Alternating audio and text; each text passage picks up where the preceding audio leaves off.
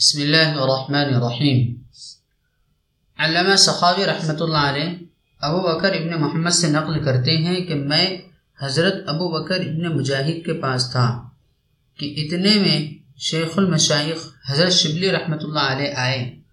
ان کو دیکھ کر ابو بکر ابن مجاہد کھڑے ہو گئے، ان سے معانقہ کیا، ان کی پیشانی کو بوسہ دیا۔ میں نے ان سے یہ عرض کیا کہ میرے سردار، آپ شبلی کے ساتھ یہ معاملہ کرتے ہیں حالانکہ آپ اور سارے علماء بغداد یہ خیال کرتے ہیں کہ یہ پاگل ہیں۔ انہوں نے فرمایا کہ میں نے وہی کیا کہ جو حضور اختر صلی اللہ علیہ وسلم کو کرتے دیکھا۔ پھر انہوں نے اپنا خواب بتایا کہ مجھے حضور اختر صلی اللہ علیہ وسلم کی خواب میں زیارت ہوئی کہ حضور صلی اللہ علیہ وسلم کی خدمت میں شبلی حاضر ہوئے، حضور اختر صلی اللہ علیہ وسلم کھڑے ہو گئے اور ان کی پیشانی کو بوسہ دیا۔ اور میرے استفسار پر حضور اختر صلی اللہ علیہ وسلم نے ارشاد فرمایا کہ یہ ہر نماز کے بعد لقد رسول من آخر صورت تک پڑھتا ہے اور اس کے بعد مجھ پر درود پڑھتا ہے۔ ایک روایت میں ہے کہ جب بھی فرض نماز پڑھتا ہے، اس کے بعد یہ آیت شریفہ لقد جاءكم رسول من انفسكم پڑھتا ہے، اور اس کے بعد تین مرتبہ، صلی اللہ علیک یا محمد، صلی اللہ علیک یا محمد، صلی اللہ علیہ یا محمد پڑھتا ہے۔ ابو بکر رحمۃ اللہ علیہ کہتے ہیں کہ اس خواب کے بعد جب شبلی رحمۃ اللہ علیہ آئے تو میں نے ان سے پوچھا کہ نماز کے بعد کیا درود پڑھتے ہوں تو انہوں نے یہی بتایا۔ ایک اور صاحب سے اسی نام کا قصہ نقل کیا گیا ہے۔ ابو القاسم خفاف رحمۃ اللہ علیہ کہتے ہیں کہ ایک مرتبہ حضرت شبلی رحمۃ اللہ علیہ ابو بکر ابن مجاہد رحمۃ اللہ علیہ کی مسجد میں گئے۔ ابو بکر ان کو دیکھ کر کھڑے ہو گئے۔ ابو بکر کے شاگردوں میں اس کا چرچا ہوا۔ انہوں نے استاذ سے عرض کیا کہ آپ کی خدمت میں وزیر اعظم آئے، ان کے لیے تو آپ کھڑے ہوئے نہیں، شبلی کے لیے آپ کھڑے ہو گئے۔ انہوں نے فرمایا کہ میں ایسے شخص کے لیے کیوں نہ کھڑا ہوں جس کی تعظیم حضور اختر صلی اللہ علیہ وسلم خود کرتے ہوں۔ اس کے بعد استاذ نے اپنا ایک خواب بیان کیا اور یہ کہا کہ رات میں نے حضور اختر صلی اللہ علیہ وسلم کی خواب میں زیارت کی تھی۔ حضور اختر صلی اللہ علیہ وسلم نے خواب میں ارشاد فرمایا تھا کہ کل کو تیرے پاس ایک جنتی شخص آئے گا۔ جب وہ آئے تو اس کا اکرام کرنا۔ ابو بکر رحمۃ اللہ علیہ کہتے ہیں کہ اس واقعے کے دو ایک دن کے بعد پھر حضور اختر صلی اللہ علیہ وسلم کے خواب میں زیارت ہوئی۔ حضور اختر صلی اللہ علیہ وسلم نے خواب میں ارشاد فرمایا کہ اے ابو بکر، اللہ تمہارا بھی ایسا ہی اکرام فرمائے جیسا کہ تم نے ایک جنتی آدمی کا اکرام کیا۔ میں نے عرض کیا، یا رسول اللہ، شبلی کا یہ اعزاز آپ کے یہاں کس وجہ سے ہے؟ حضور صلی اللہ علیہ وسلم نے فرمایا کہ یہ پانچوں نمازوں کے بعد یہ آیت پڑھتا ہے۔ لقد جاءكم رسول من انفسكم الى آخر آیہ اور اسی برس سے اس کا یہ معمول ہے۔ یا رب صل وسلم دائما أبدا. یا رب صل وسلم دائما أبدا على حبيبك خير الخلق كلهم.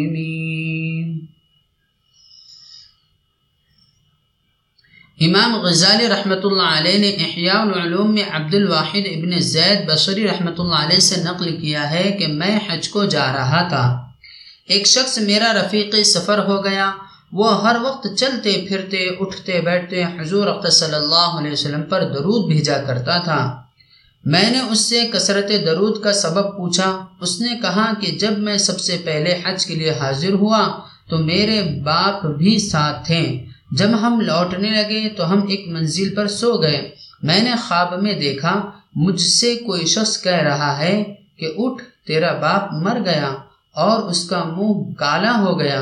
میں گھبرایا ہوا اٹھا تو اپنے منہ، باپ کے منہ پر سے کپڑا اٹھا کر دیکھا تو واقعی میرے باپ کا انتقال ہو چکا تھا اور اس کا منہ کالا ہو رہا تھا۔ مجھ پر اس واقعے سے اتنا غم گسار ہوا کہ میں اس کی وجہ سے بہت ہی مرعوب ہو رہا تھا۔ اتنے میں میری آنکھ لگ گئی۔ میں نے دوبارہ خواب میں دیکھا کہ میرے باپ کے سر پر چار حبشی کالے چہرے والے، جن کے ہاتھ میں لوہے کے بڑے ڈنڈے تھے، مسلط ہیں۔ اتنے میں ایک بزرگ نہایت حسین چہرہ، دو سبز کپڑے پہنے ہوئے تشریف لائے اور انہوں نے ان حبشیوں کو ہٹا دیا۔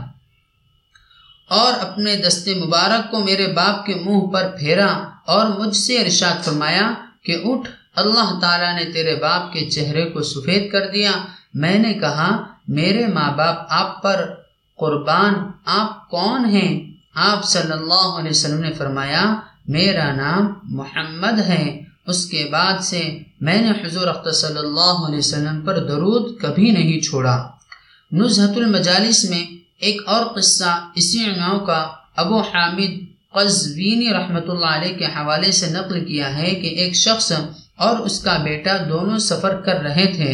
راستے میں باپ کا انتقال ہو گیا اور اس کا سر، منہ وغیرہ سور جیسا ہو گیا۔ وہ بیٹا بہت رویا اور اللہ جل شاہ کی بارگاہ میں دعا اور آجزی کی۔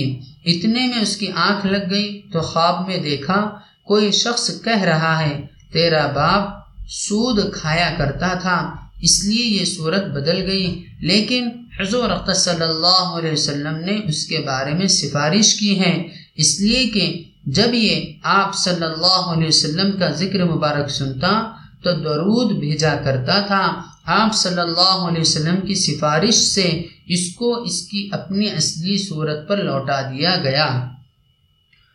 روز الفائق میں اسی نوع کا ایک اور قصہ نقل کیا ہے۔ وہ حضرت سفیان سوری رحمۃ اللہ علیہ سے نقل کرتے ہیں کہ میں طواف کر رہا تھا۔ میں نے ایک شخص کو دیکھا کہ وہ ہر قدم پر درود ہی پڑتا ہے اور کوئی چیز تسبیح و تحلیل وغیرہ نہیں پڑھتا۔ میں نے اس سے پوچھا، اس کی کیا وجہ ہے؟ اس نے پوچھا، تو کون ہے؟ میں نے کہا کہ میں سفیان سوری ہوں۔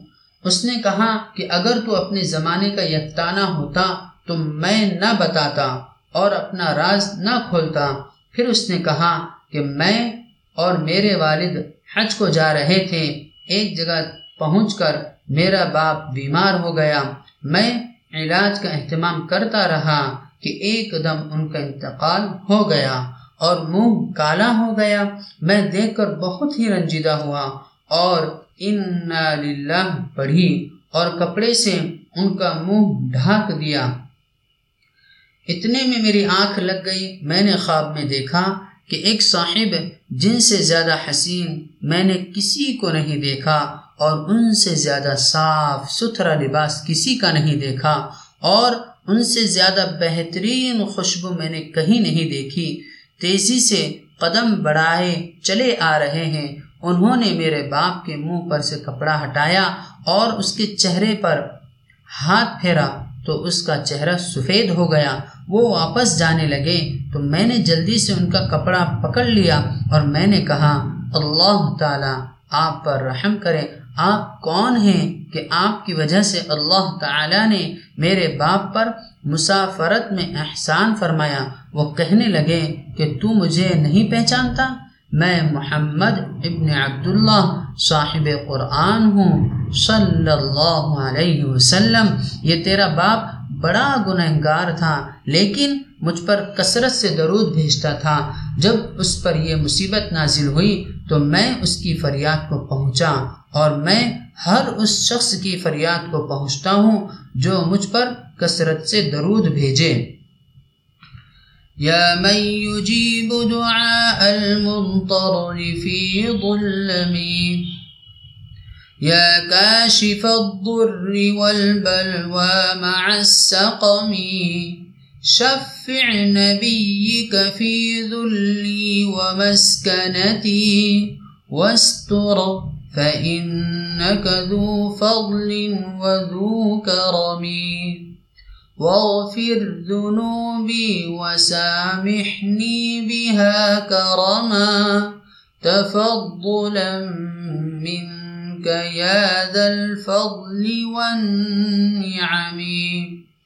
إن لم تغثني بعفو منك يا أملي وخجلتي وحيائي منك وندمي.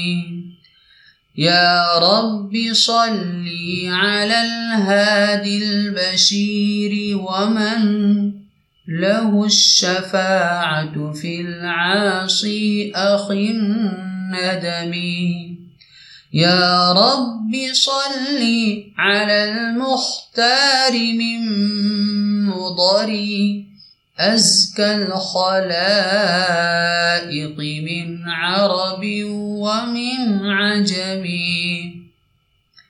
يا رب صل على خير الأنام ومن ساد القبائل في الأنساب والشيم صلى عليه الذي أعطاه منزلة علياء إذ كان حقا أفضل الأمم.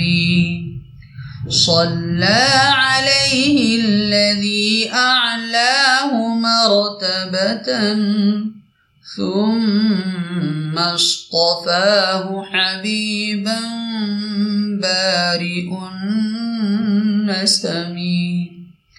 صلى عليه صلاة لن انقطاع لها. مولاه ثم على صحب وذي رحم. ترجمہ اے وہ پاک ذات، جو مستر کی اندھیریوں کی دعائیں قبول کرتا ہے۔